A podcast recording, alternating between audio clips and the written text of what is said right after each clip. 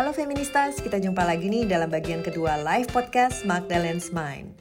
Nah, di bagian kedua ini kita akan mendengarkan beberapa tanggapan dari para pakar di bidangnya, mulai dari kesehatan, agama, pemerintahan, sampai perlindungan anak. Kalau kamu belum mendengarkan bagian pertama, enaknya mungkin dengerin dulu deh untuk mengetahui konteksnya. Sesi live podcast ini adalah bagian dari proyek jurnalistik yang dilakukan oleh Magdalene.co untuk memotret kebutuhan pendidikan seksualitas remaja di Indonesia. Silakan kunjungi pendidikansex.magdalene.co untuk melihat survei, membaca artikel, dan mengikuti kuis tentang seksualitas.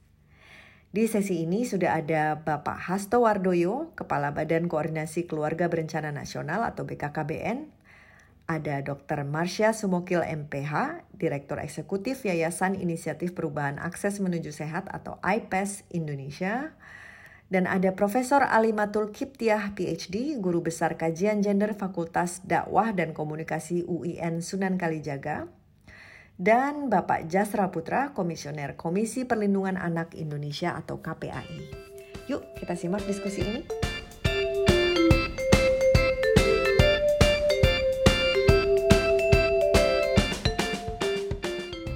baik mungkin bisa ke Pak Hasto ya sekarang ya. Saya ingin, uh, kami tuh ingin tahu Pak sebenarnya bagi BKKBN sendiri uh, bagaimana melihat urgensi pendidikan seksualitas untuk remaja, uh, terutama untuk mengatasi berbagai masalah sosial yang melibatkan atau berdampak kepada mereka. Ya baik, terima kasih. Jadi BKKBN tentu mengemban amanah untuk bagaimana pendewasaan usia pernikahan, contoh begitu ya, indikator-indikator untuk akhirnya bisa hamil yang sehat, kemudian juga tidak stunting dan banyak hal lah kualitas SDM yang unggul dan seterusnya dan seterusnya. Oleh karena itu kami ini menghadapi bahwa Indonesia masih masuk dalam 10 besar yang absolute number untuk perkawinan usia anak juga kita masuk di 10 besar ya. Ini kan juga prihatin sehingga uh, semakin kita mengenali tentang uh, seks uh, dan kesehatan reproduksi, maka tadi seperti yang disampaikan pembicara-pembicara uh, yang lain, uh, Mbak Marsha saya kira juga tadi sudah menyampaikan bahwa pendidikan itu tujuannya agar dia memiliki keterampilan untuk membuat keputusan. Itu saya sangat setuju sekali ya. Karena apa? Karena ketika kalau saya itu kalau harapan saya pendidikan seks itu kan bukan mengajari tentang sexual intercourse ya. Tapi seks just male female ya. Jadi ini supaya dikembalikan ke kitohnya. Kalau kita itu ngisi tentang seks titik dua pasti male female gitu. Sehingga seksualitas uh, uh, uh, seksualitas ini pendidikan seks ini adalah bagaimana mengenali kondisi-kondisi patologis yang terkait dengan uh, male female gitu. Sebetulnya itu. Sehingga uh, tadi sebetulnya semua sudah uh, satu resonansi ya. Pak Rudolf itu sebagai guru juga sudah menyampaikan bahwa ini perlu gitu ya. Kemudian Ibu Stella tadi juga merasakan sebagai pelaku merasakan bahwa betapa indahnya ketika dia itu sudah memperkenalkan lebih dini sehingga hmm. anak-anak itu menjadi tahu dan bisa menghindari risiko. Semua hmm. Mbak Natalia juga apa samalah resonansinya.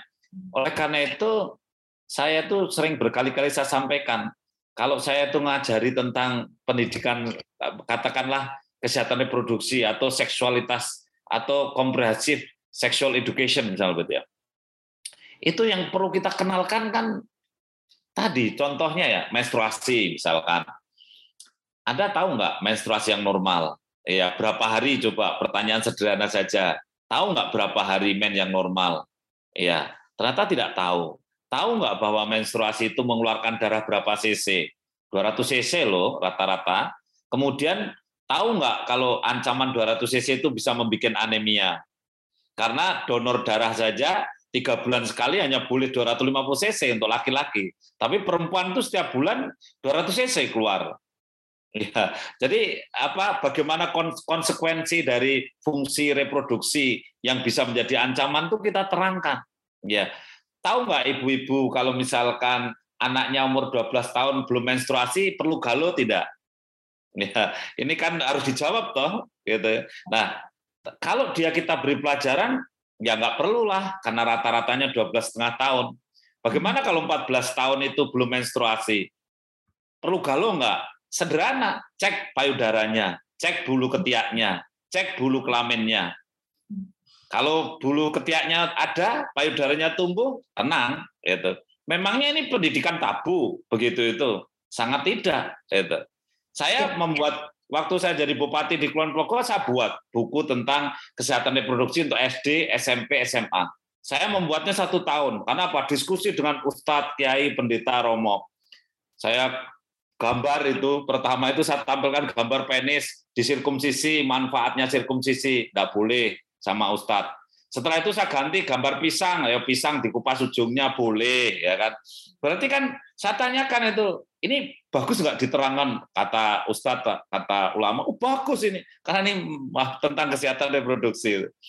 Kalau saya katakan bahwa kalau saya cerita tentang kenapa kalau seks usia dini itu kemudian resiko kanker mulut rahim boleh nggak diterangkan? Boleh. Coba Bapak terangkan. Saya terangkan. Oh ini saya gambar skematis saja mulut rahim. Mulut rahim itu kalau masih usianya masih belasan tahun menghadap keluar. Ini namanya ekstropion. Kalau menghadap keluar itu sel-sel yang mau jadi kanker masih di luar. Ya. Kemudian kalau itu terjadi benturan dengan alat kelamin laki-laki, akhirnya besok 15-20 tahun lagi jadi kanker beneran. Ya. Nah, ini boleh nggak diterangkan? Semua orang jawab boleh, ini penting, ini penting gitu. Entah itu ustadz, entah itu pendeta, entah oh iya boleh gitu. Lah, hmm. kenapa tidak? Kalau boleh, kan sekarang tinggal kesepakatan bahwa yang harus kita jelaskan itu yang penting-penting begitu. Ya. Bagaimana kalau kalau kita lihat seperti katakanlah di negara-negara Eropa ada anak-anak SD laki-laki dikumpulkan dengan laki-laki Kemudian gurunya juga laki-laki. Kemudian hmm. gurunya mengenalkan coba kenali baksonya Anda itu karena laki-laki dua enggak gitu. Ah, kemudian dikenali, oh ternyata ada yang enggak dua. Kalau enggak dua itu namanya adisensus testis. Testisnya tidak turun. Kalau testisnya tidak turun, besok umur belasan tahun yang satunya jadi kanker. Ya. Nah, maka harus kita kejar sekarang ini dilaporkan di kontrol dokter. Boleh nggak begini ini memberitahu? Sangat boleh, gitu loh. Nah, sekarang tinggal bagaimana kita duduk bersama, merumuskan, kemudian kita konsultasikan, kemudian kita eksekusi. Kita ini kan terlalu banyak diskusi. Ya, ketemu di mana-mana diskusi terus aja, tapi nggak pernah ada eksekusinya. Nah kalau saya jadi jadi ya biasanya saya itu di di apa? Di eksekutif ini ya mau mau saya loh ini ya diskusi eksekusi terus saya instruksi gitu loh. Itu mau iya. saya begitu. Jadi jangan jangan forum ini kan terus terus ada terus sejak saya iya sejak tahun 97 ya saya sudah ikut forum ini. Tadi nggak pernah ada nggak ada apa revolusi itu nggak ada. Lah makanya cobalah move on sedikit lah. Terus kita mau apa? Mau sudah sekarang bikin kanal yang terkait dengan cash pro, kemudian sexual education, kita coba gitu. Nah, itu Pak, saya kira dari saya. Ya. Baik, Pak mungkin satu uh, pertanyaan lagi ini kan uh, ini penting sekali karena uh, tadi seperti Bapak bilang mandatnya BKKBN itu kan untuk uh, men, apa namanya meningkatkan mendewasakan usia pernikahan juga beberapa masalah yang terhubung dengan cash pro. Tadi yang Bapak bilang itu kan juga banyak berhubungan dengan cash pro tuh. Uh, tetapi aspek seksualitas juga penting Pak karena kan seksualitas itu juga menyangkut masalah seperti relasi dan sebagainya yang berhubungan kayak kekerasan seksual dan dan sebagainya. Apakah pernah dan bagaimana sih strateginya nih Pak untuk bisa membuat ini menjadi lebih diprioritaskan gitu Pak? Kalau saya begini ya, jadi sekarang ini kan ada isu yang menarik bahwa kualitas SDM ini harus unggul. Kematian ibu harus turun, kematian bayi harus turun. SDG sudah di depan mata 2030. Kemudian eh, bonus demografi juga ongoing. Kalau seandainya kita itu lewat eh, di window opportunity bonus demografi tanpa kita ada kualitas SDM yang unggul, maka lewat itu. Sedangkan eh, negara-negara pada umumnya negara-negara maju itu mengalami akselerasi percepatan pertumbuhan pendapatan per kapita atau ekonomi itu pada saat dia melewati window opportunity itu. Nah, sebetulnya ini momentumnya sangat-sangat tepat. Maka Pak Presiden Jokowi juga mengejar kualitas SDM itu sebenarnya sangat tepat gitu. meskipun terganggu oleh pandemi ya. Tapi bahwa kita kemudian harus menurunkan stunting itu sangat tepat. Sedangkan kampanye stunting itu enak loh, jangan terlalu terlalu muda nikah ya, kurang dari 20 tahun, nah terlalu tua lebih dari 35 tahun, kemudian terlalu sering kurang dari tiga tahun, kemudian terlalu banyak, itu kan. Nah, multiparitas, grande multiparitas, kematian ibu, kematian bayi kan tinggi. Nah, sebetulnya momentumnya sangat tepat. Di sisi lain, saya memang sengaja tidak terlalu memisahkan antara sexual education dengan kesehatan reproduksi. Karena apa? Proses-proses seksual itu adalah proses-proses bagian dari proses reproduksi. Mulai dari hubungan seks, kemudian fertilisasi, kemudian akhirnya uh, terjadi embrio sampai akhirnya terjadi uh, apa manusia baru gitu ya. Ini sebetulnya proses reproduksi. Bicara tentang kesehatan reproduksi yang dibicarakan tentang organ seks Kemudian hal-hal yang mengganggu tentang masalah kesehatan reproduksi 90% adalah aktivitas seks. Iya. Sehingga kalau saya sendiri tidak membedakan terlalu terlalu apa terlalu tegas antara sexual education dengan kesehatan reproduksi. Saya tidak terlalu dan dan secara secara secara strategi juga rugi kalau kita itu selalu menggaungkan sexual education. Lebih baik kita menggaungkan pendidikan reproduksi tapi di dalamnya memang isinya adalah pendidikan seksual. Kenapa begitu? Karena apa? Kita rugi memahamkan kepada orang yang sangat tidak paham, kemudian beda pendapat itu kan repot sekali itu. Jadi mending ya saya sampaikan aja lah kesehatan reproduksi Anda dengarkan itu aja. Padahal yang saya sampaikan tentang masalah seks, ya masalah seks. Karena saya juga akan menyampaikan ini ada orang ya, ada orang dituduh tidak perawan itu padahal himen itu jenisnya ada himen cribiforme seperti saringan, himen anularis. Saya terangkan. Tapi pada saat saya menerangkan itu tujuan saya eh, di situ tujuannya menerangkan bagaimana terjadinya infeksi, keputihan, itu kan. Ini kan infeksi dan keputihan sexual transmitted disease (STD) kan kita jelaskan dengan kesehatan reproduksi. Tapi kan kita menjelaskannya dari luar. Oh ini ada bentuk himen itu macam-macam.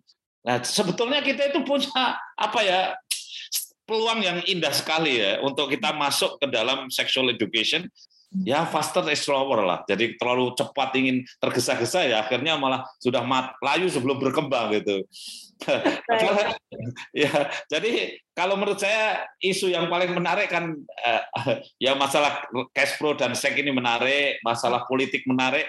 Kita ingin sosialisasi kesehatan reproduksi dan sexual education, kenapa tidak bisa? Itu Iya, saya kira gitu. Iya, Mas. Oke, okay. okay, baik. Ini saya tuh tertarik banget untuk um, ngomongin apa yang tadi Pak Hasto uh, ini ya, untuk bahas apa yang Pak Hasto bicarakan tadi. Uh, tapi mungkin sebelum saya kembali ke Mbak Marsha, juga saya mau uh, ke ini nih, ke Ibu Profesor Alim nih. Nah, jadi tadi Uh, nah, bukan kita melihat bahwa sering kali argumentasi uh, yang menentang tentang pendidikan seks itu ada di edukasi formal gitu ya, itu adalah bahwa uh, bisa me mengarahkan anak muda untuk melakukan seks bebas gitu atau terlihat seperti mempromosikan seks bebas. Uh, kalau ibu melihatnya bagaimana sih ibu sebagai seorang pemuka apa namanya seorang pemikir agama ya seorang scholar religious scholar yang juga mengajarkan tentang gender gitu. Mungkin saya ingin melihat pandangan ibu tentang ini dan ibu melihat urgensi uh, pendidikan seksualitas untuk remaja itu seperti apa sih bu? Terkait dengan persoalan seksualitas ya ini Kenapa terjadi resistensi? Salah satu alasannya karena pemahaman yang belum dalam satu frame yang sama ya karena kalau kita bicara seksualitas itu kan sebenarnya bukan bicara sex itself ya atau hubungan seksual ya, tapi kita bicara etika, kita bicara moral, kita bicara industri pornografi, kita bicara aturan, kita bicara undang-undang, kita bicara relasi kuasa, kekerasan seksual, kemudian komunikasi asertif dan lain-lainnya ya kan? Itu kan kalau kita bicara tentang uh, pendidikan seksualitas ataupun mungkin juga pendidikan kesehatan reproduksi, karena kan kesehatan reproduksi kan diartikan sehat dari semua aspek kehidupan ya, tidak hanya persoalan sehat secara reproduksinya saja gitu kan. Nah, kalau kita bicara tentang uh, dari sisi agama, sebenarnya dari sisi agama itu sejak dari lahir sampai menikah itu sangat uh, intens bicara tentang seksualitas ya katakanlah di dalam agama misalnya mohon maaf saya menggunakan tradisi Islam ya.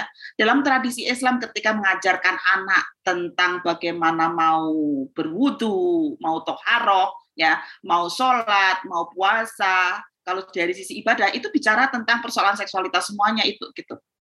Ya kemudian juga akan bicara tentang etika misalnya ya bagaimana etika cara berpakaian untuk tidak selalu melepas baju di ruang tamu, tapi diarahkan di kamar, lalu bagaimana ada ajaran mengetuk pintu eh, kamar orang tua ketika mau masuk, itu kan ada ajarannya di dalam agama ya. Sehingga sebenarnya eh, agama itu sangat sangat intens ya bicara ter, per, eh, terkait dengan persoalan seksualitas itu gitu. Nanti agak besar sedikit juga terkait dengan persoalan empati ya, yaitu terkait dengan bagaimana eh, penerimaan dan keikhlasan dan empati dari terutama dari laki-laki ya karena tugas-tugas reproduksi perempuan yang dari awal sampai meninggal ya ibaratnya ya dengan sampai menopause itu kan penuh dengan apa duka nestapa dan bahagia begitu tidak hanya bahagia aja ya, tapi bukan nestapa dan bahagia yang itu perlu diempatiin gitu ya. Bahkan kalau dalam kitab suci dikatakan itu tugas-tugas yang berat bagi perempuan. Karena itu ayo para laki-laki yang tidak punya tugas berat itu diringankan. Tugas-tugas reproduksi ya termasuk kesehatannya, termasuk bagaimana uh, perempuan itu bisa hidup nyaman dan aman ya halal aman nyaman sehat itu kan dari tugas tugas-tugas yang sudah diberikan itu. Bahkan sebenarnya kalau sampai keluarga pun ya juga akan dibicarakan tentang bagaimana gairah ya itu dikelola dengan penuh penghormatan kesalingan gitu. Sehingga ada konsep misalnya what I feel dan what I believe. Kalau dalam agama ada pandangan pertama nikmat pandangan kedua laknat misalnya Lalu bagaimana tentang godul basor kalau melihat seseorang yang menarik, entah laki-laki atau perempuan ya kita diminta untuk tundukkan pandangan, bukan untuk diminta untuk melecehkan atau merendahkan gitu. Ya Allah betapa cantiknya ya gadis ini, betapa hebatnya laki-laki ini, betapa sang kholek uh, pencipta itu luar biasa menciptakan makhluk yang sangat uh, cakep, cantik dan menarik ini misalnya kayak gitu.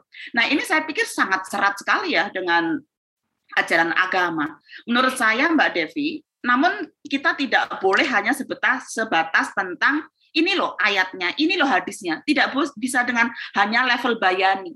Tapi kita juga pakai level burhani. Apa level burhani? Level burhani itu terkait dengan bagaimana data-data, riset-riset yang berbicara tentang ini. Kebetulan uh, master saya kan tentang bicara tentang pendidikan seksualitas ya ketika di Amerika itu gitu. Nah, itu uh, dari perspektif Islam saya dari beberapa riset yang saya sampaikan, yang saya temukan, itu orang itu kalau anak anak-anak ya untuk pendidikan seksualitas yang baik, maka sebenarnya dia akan semakin menunda ya seksual aktifnya.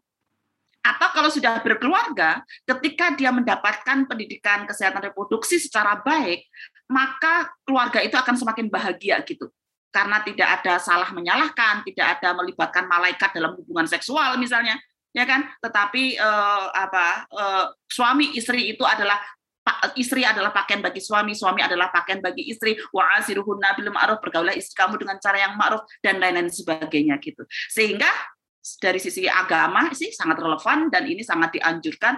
Cuma bagaimana kita mem-packagingnya ya, mengemasnya dengan isu-isu tadi yang sudah saya sebutkan. Uh, nah, menurut Ibu gimana sih kita uh, berstrategi untuk bisa supaya uh, apa namanya isu ini menjadi sesuatu yang paling tidak ada percakapan yang sehat tentang itu gitu. Jadi tidak buru-buru terjadi apa resistensi terutama membawa apa ajaran-ajaran agama, dalih-dalih agama gitu untuk menentang ini gitu.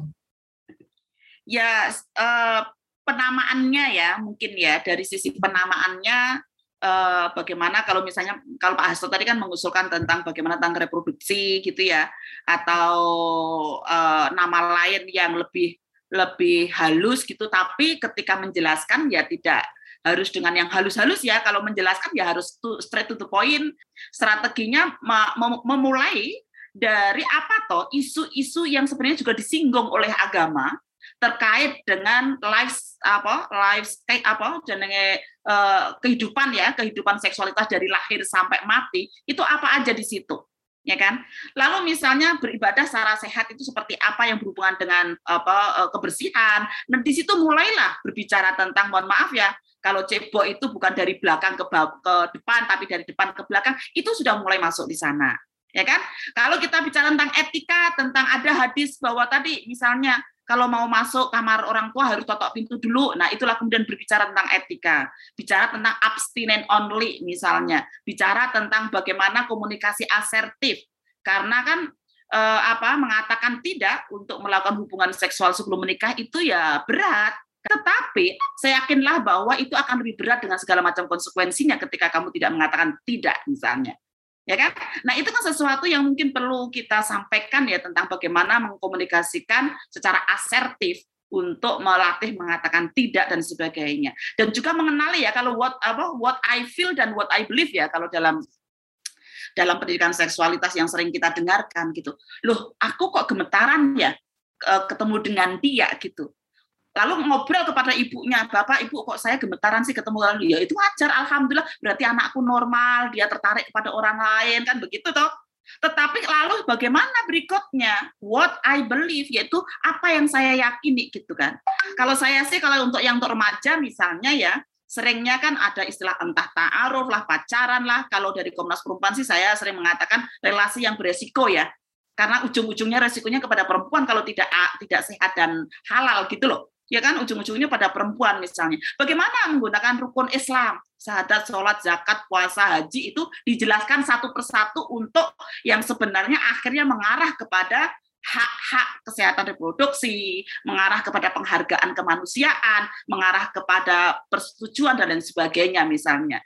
Sehingga menggunakan bungkus-bungkus agama tapi enggak memang betul-betul leweng dari agama ya. Karena sebenarnya juga pada tergantung agama itu dipahami oleh siapa. Kan begitu sebenarnya. Itu sih Mbak Devi. Bu Profesor Alim, terima kasih. So, nanti mungkin saya kembali lagi, tapi saya mau um, uh, ngobrol dengan Pak Jasra nih sekarang. Tadi kita ngomongin soal uh, bagaimana sebenarnya uh, kekerasan seksual itu menjadi salah satu risiko yang uh, sebenarnya bisa mungkin bisa dikurangi atau ditangani ketika anak-anak mendapatkan pendidikan seksualitas yang komprehensif. Um, nah, uh, KPAI sendiri melihat bagaimana pendidikan seksualitas yang komprehensif ini dalam konteks untuk perlindungan anak, Pak. Pertama tentu uh, bicara pendidikan seksualitas merupakan uh, hak anak ya. Jadi lima prinsip hak apa lima konvensi uh, klaster hak anak itu salah satunya hak atas kesehatan gitu ya. Namun uh, hak ini apalagi dalam situasi pandemi ya yang sudah masuk dua tahun ini banyak problem-problem yang kita hadapi termasuk juga uh, bagaimana mendapatkan informasi yang layak bagi anak itu. Nah, salah satu informasi layak anak itu ya tentu uh, ada peran media, peran masyarakat gitu ya, kemudian peran-peran negara ya yang memastikan bagaimana informasi ini bisa dikonsumsi secara baik oleh anak dan bisa dilakukan secara baik dan bisa diawasi oleh orang tua. Itu yang pertama. Nah, lalu yang kedua, uh, kita melihat kasus-kasus yang masuk di KPI misalnya ada 672 kasus ya terkait anak korban kejahatan seksual yang terbaru misalnya eh, melalui game ya Free Fire yang 14 orang korbannya. Eh, eh, setiap kasus yang kita dalami memang anak-anak kita tidak mengerti dan memahami bagaimana organ-organ tubuhnya yang tentu tidak boleh dipublikasi sembarangan seperti itu gitu ya. Jadi ini memang tantangan yang tidak mudah dan tentu KPI terus mendorong peran stakeholder tadi saya senang dengar apa Pak Hasto Mbak Mbak Alim gitu ya yang sekira satu pandangan bagaimana mendorong ini isu ini sangat penting gitu ya. Dan yang selanjutnya adalah tentu dengan pendidikan seksualitas ini eh, pertama tentu hak anak terlindungi dan dia memahami eh, bagaimana perkembangan-perkembangan yang ada. Tentu peran orang tua sangat penting dalam hal ini untuk mengajarkan eh, pendidikan seksualitas itu karena kalau kita bicara ideal uh, apa 24 jam pengawasan ya tentu orang tua yang yang bisa me, melihat uh, setiap saat perkembangan uh, uh, anaknya gitu. Nah, namun uh, sayangnya dalam survei KPAI dari 14.000 orang tua kita tanya di situasi pandemi ini terkait pengasuhan terbaik itu hanya 30% mengetahui bagaimana cara mengasuh terbaik. Saya kira dari sisi pengetahuan saja bermasalah, apalagi mempraktekkan bagaimana kita berharap agar orang tua juga membantu anaknya katakanlah apa pendidikan seksualitas tersebut gitu. Nah, oleh sebab itu tentu ini harus didorong. Memang ini isu-isu hulu ya, tapi kalau isu hulu ini tidak selesai, ini Pak Asto ini ya kita pada akhirnya melihat situasi-situasi anak mengalami kekerasan gitu ya. Baik itu pelakunya antar mereka atau mungkin orang terdekatnya orang tua gitu. Ya. Nah, tentu eh, saya setuju ya karena anak-anak kita ini kan 13 juta menurut Asosiasi Pengguna Jasa Internet itu kan sudah berada di, di media sosial. Jadi eh, peran-peran teman-teman media ini untuk me, apa, mengedukasi, mempublikasikan hal-hal yang positif, saya kira akan lebih cepat ya dibandingkan kita ya bicara soal regulasi gitu ya. Ya kita tahu misalnya di kurikulum 13 sudah ada secara apa, secara topik-topik uh, tertentu bicara soal uh, pendidikan uh, seksual gitu ya. Walau uh, tinggal lagi bagaimana kreativitas guru untuk menjelaskan secara baik tentu eh, sebagaimana sistem pendidikan nasional ya mungkin kalau ada orang Dikbud bisa menjelaskan bahwa pendidikan itu ada pendidikan formal, non formal dan informal. Nah, saya kira yang informal ini yang belum tergarap pendidikan keluarga gitu, Mbak. Yang tentu ini menjadi tantangan yang tidak mudah bagi kita apalagi dalam situasi pandemi ini. Baik, terima kasih Pak. Apa sih uh, mungkin dukungan dari KPI terkait pendidikan, uh, terkait mendorong uh, pendidikan seksualitas ini? Apa ada program atau apa yang dilakukan atau strategi mungkin untuk mengadvokasi ini? Ya, uh, KPI ini kan hadir untuk melakukan, uh, meningkatkan efektivitas pengawasan ya, pemenuhan dan pelindungan anak itu ya tentu uh, terkait uh, program uh, sex education dan Pro dan seterusnya ini kan kementerian dan lembaga terkait dan itu banyak ya dan termasuk juga pemerintah daerah. Nah kita uh, di dalam sistem pembangunan uh, perlindungan anak di dalam kabupaten kota layak anak di sana kan ada istilahnya sekolah ramah anak kemudian ada apa eh, kawasan tanpa rokok dan seterusnya. Saya kira ini harus apa KPI terus melakukan evaluasi setiap tahun untuk memberikan masukan misalnya soal sekolah ramah anak, bagaimana misalnya eh, apa anak me, apa eh, hak-haknya itu bisa terpenuhi, hak atas informasi yang layak, kemudian eh, suaranya didengar gitu ya, termasuk juga eh, bagaimana mempraktekkan ya, atau menjalankan Permendikbud 82 tahun 2015 tentang pencegahan dan penanganan kekerasan di satuan pendidikan gitu ya. Saya kira ini apa eh, hal-hal isu-isu yang relevan yang tentu harus kita dorong di tingkat sekolah. Nah, kemudian yang kedua, memang di sekolah ini kan ada UKS ya, tapi karena dua tahun sudah tutup, kita melihat UKS ini juga ada program-program ya terkait eh, reproduksi, pendidikan seksual dan seterusnya. Nah, kita berharap dengan dibukanya pembelajaran tatap muka ini ya mudah-mudahan eh, informasi-informasi yang edukatif ya eh, terkait seksualitas itu kan bisa didapatkan oleh anak. Nah, kemudian selanjutnya kita juga apa memberikan masukan ya kepada apa pada pemerintah gitu ya agar dalam dalam situasi pandemi ini karena di di apa di suara anak di Hari Anak Nasional kemarin dari 12 suara anak itu juga bicara soal bagaimana misalnya isu kesehatan ya isu pro kemudian uh, isu informasi layak anak ini menjadi perhatian semua pihak. Jadi anak-anak pun sudah bersuara gitu Mbak Mbak Evi melalui Forum Anak Nasional waktu itu di 23 Juli kepada Bapak Presiden daring juga menyampaikan gitu. Nah, ini tentu harus kita kuatkan gitu. Bagaimana tentu tidak hanya disuarakan saja tapi hal yang terpenting siapa pun yang bekerja dengan anak tentu harus ada feedback langsung gitu ya. Uh, memastikan uh, suaranya tersebut bisa diakomodir melalui program, anggaran, kebijakan dan seterusnya gitu. Nah, KPI berada di posisi itu memastikan bagaimana Eh, lima klaster hak anak ini harus apa harus diberikan secara maksimal karena eh, pemerintah berharap di 2030 itu kan eh, apa kondisinya yang diharapkan adalah eh, Indonesia layak anak. Nah, tentu Indonesia layak anak ya harus dipastikan hak kesehatan anak eh, soal pendidikan seksualitas kemudian termasuk juga cash pro itu Mbak Devi. Um, di sini saya mau memberi kesempatan kepada audiens untuk uh, bertanya atau menanggapi. Uh, tapi saya mohon untuk tidak lebih dari mungkin dua atau tiga menit gitu ya. Kalau misalnya itu sebuah tanggapan, kalau itu pertanyaan mungkin dibuat se, uh, se apa namanya sejelas mungkin, tidak berpanjang-panjang dan bisa disebutkan nama dan mungkin institusi atau dari daerah mana gitu.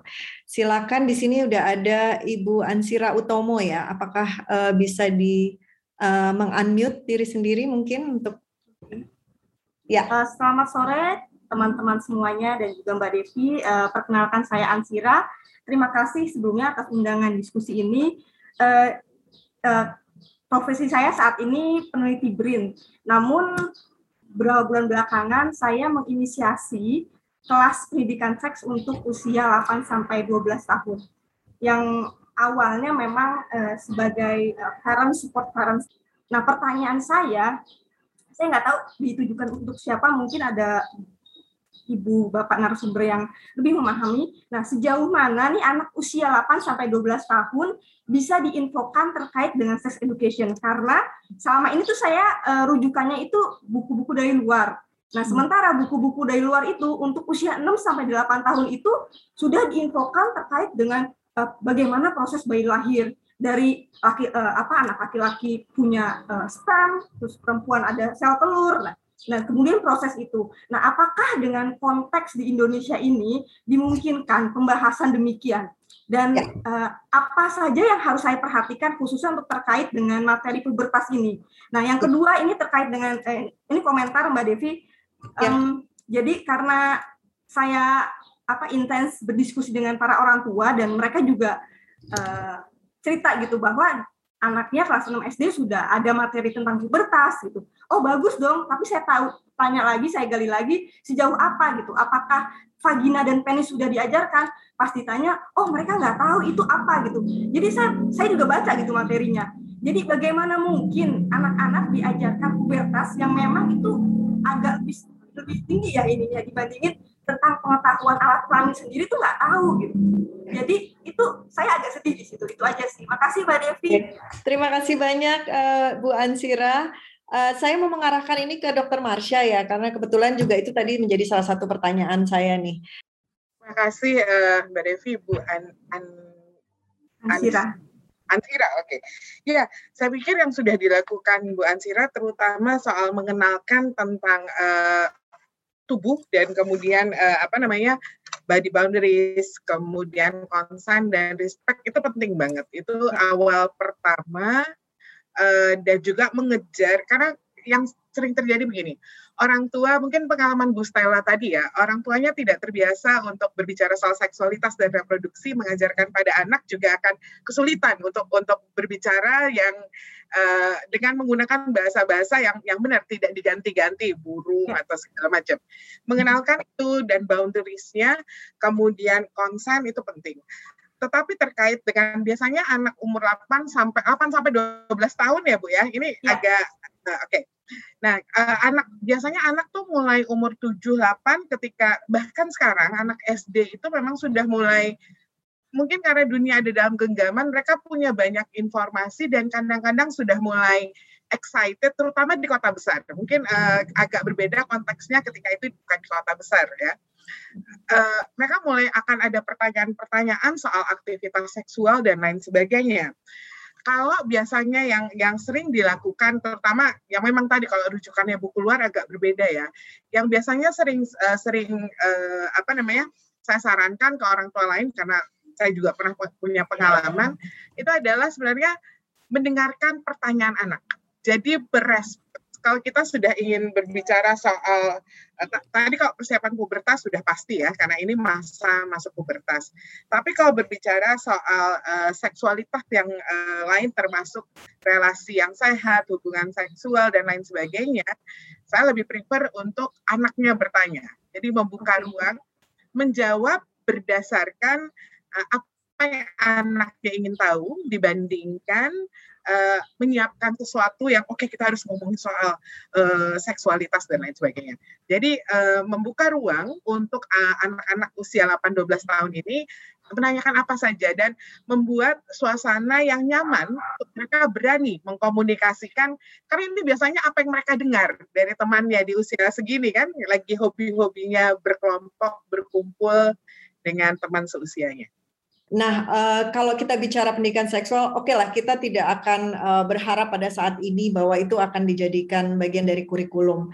Nah, bagaimana strateginya menurut Mbak Marsha yang kita bisa lakukan untuk bisa memulai meng, uh, apa, membangun kapasitas para guru nih untuk bisa mendeliver konten-konten tentang seksualitas, pendidikan seksualitas itu sendiri dalam bentuk apa pun itu ya, bukan dalam meskipun belum masuk ke kurikulum gitu. Uh, kebetulan IPAS kemarin punya kami kami buat suatu film tentang remaja judulnya Pindah Planet yang kemudian diadopsi sama uh, Kemendikbud untuk menjadi uh, tontonan wajib murid SMP SMA di program belajar dari rumah dan itu ditayangkan di TVRI.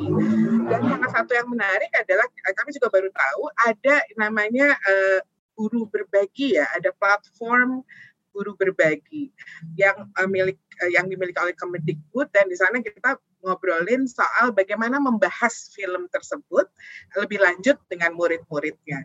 Jadi saya pikir memang tadi satu kalau kita ingin uh, ini lewat jalur formal juga, memang uh, guru-guru kemudian uh, gatekeeper yang ada di sekitar uh, sang anak di sekolah itu juga perlu dilatih untuk kemudian bisa uh, mendiskusikan ini dengan dengan nyaman uh, dan kemudian seperti yang bilang Prof. Alimatul tadi, memang kita juga nggak akan ngomongin seksualitas itu ter, terlepas dari konteks kita bahwa kita juga memberitahukan ada nilai-nilai moral, nilai-nilai agama, nilai-nilai budaya yang kemudian terkait dengan uh, seksualitas dan itu perlu diomongkan uh, dengan dengan murid-murid uh, karena kemudian ini akan menjadi basis mereka ketika mereka akan membuat keputusan tentang kehidupannya. Baik, terima kasih banyak Mbak Marsha. Ini saya mau kasih satu lagi kesempatan kepada Mbak Ais Jauhara Fahira dari campaign yang mengangkat tangannya. Silakan Mbak. Uh, baik, terima kasih atas kesempatannya Kak. Uh, mungkin tadi kita udah nyimak pertanyaan kalau dari, dari sisi orang tua gitu kita mesti gimana. Nah aku mau nanya dari sisi aku sebagai remaja, kan aku sekarang mahasiswa um, dan orang tua aku agak tertutup kalau misalnya kita bicara tentang seksualitas. Soalnya aku pernah nanya uh, tentang menopause gitu kan. Laki-laki bisa nggak sih menopause? Uh, mama, mama, mama aku bukannya jawab tapi malah kayak ngedumel, malah ngomel-ngomel. Nah, gimana sih kita bisa nyiptain obrolan sama orang tua? Padahal kan aku kan udah gede, udah mahasiswa gitu kan, udah 20 tahun. Uh, nyiptain obrolan seksualitas yang terbuka dengan orang tua. Gimana sih cara, iya cara mengarahkan itu supaya orang tua tuh nggak marah kita nanyain itu kurang lebih begitu. Baik, mungkin Mbak uh, uh, dari Ari bisa ya menjawab ya. Ya, halo Mbak. Ya, Mbak Natalia silakan. Ya, untuk Mbak Ais ya, mungkin kalau Natali bisa sedikit sharing aja. Ini juga jadi pembahasan kita di Ari. Gimana sih caranya kita uh, bertanya, menciptakan uh, ruang pendidikan pertama kan katanya rumah ya, tapi ternyata banyak pertanyaan malah yang diabaikan sama orang tua kita nih. Nah, kalau dari Ari sendiri sih uh, kami selalu belajar untuk uh, mengidentifikasi uh, value yang ada di diri kita dulu, yang memang ada di keluarga. Seperti apa? Kalau memang kita sudah bisa mengidentifikasi nilai-nilai apa sih yang ada di keluarga kita terkait budaya, terkait termasuk agama, uh, itu kita kami selalu diajarkan untuk benar-benar mengetahui value yang ada di keluarga terlebih dahulu ke Ayes gitu. Jadi ketika uh, kita untuk uh, apa implementasinya bagaimana menciptakan ruang bertanya kepada keluarga atau orang tua jadi kita tahu gitu. Karena kalau misalnya kita sama ratakan semua uh, value anak-anak remaja dan anak muda ini nggak akan bisa ketemu gitu. Karena pasti punya cara komunikasi yang berbeda. Mungkin itu sih mbak dari aku